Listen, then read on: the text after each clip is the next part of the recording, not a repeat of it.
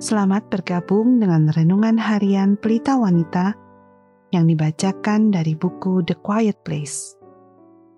Pembacaan Alkitab hari ini diambil dari Matius 26 ayat 26 sampai 29.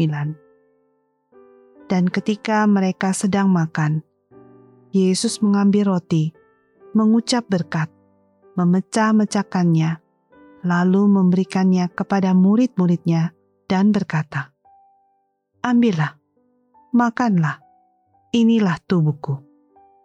Sesudah itu ia mengambil cawan, mengucap syukur, lalu memberikannya kepada mereka dan berkata, Minumlah kamu semua dari cawan ini, sebab inilah darahku, darah perjanjian yang ditumpahkan bagi banyak orang untuk pengampunan dosa.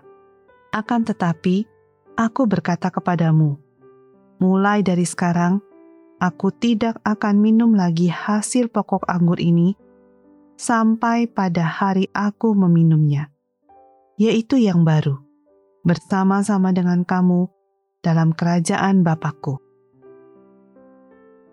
Ayat kunci hari ini adalah dari Matius 26 ayat 27 sampai 28. Sesudah itu, ia mengambil cawan, mengucap syukur, lalu memberikannya kepada mereka dan berkata, "Minumlah kamu semua dari cawan ini, sebab inilah darahku, darah perjanjian yang ditumpahkan bagi banyak orang untuk pengampunan dosa." Ucapan syukur yang begitu mahal.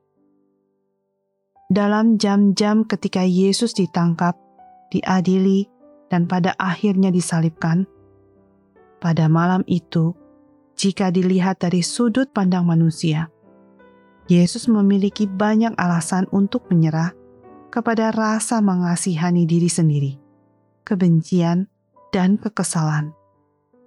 Namun sang anak justru mengucapkan kata-kata terima kasih kepada Bapa Surgawinya.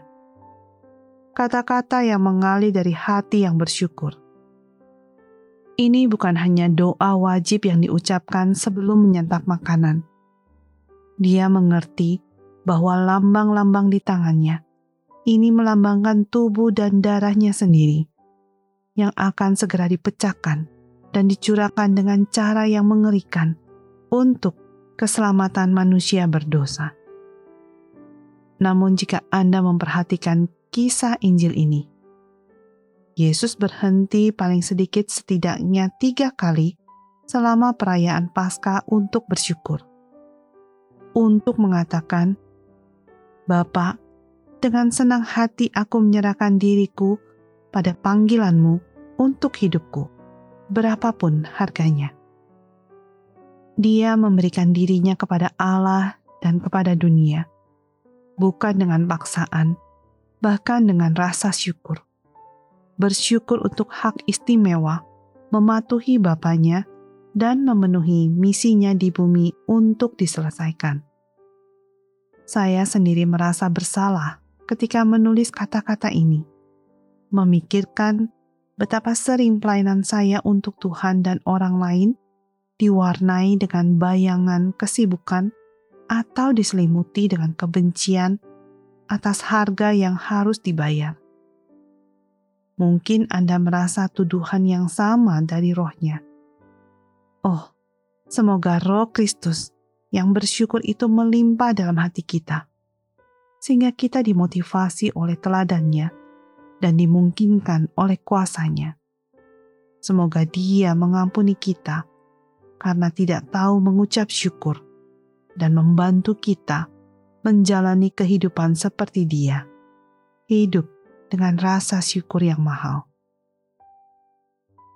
Sebagai penutup, mari kita renungkan pertanyaan ini.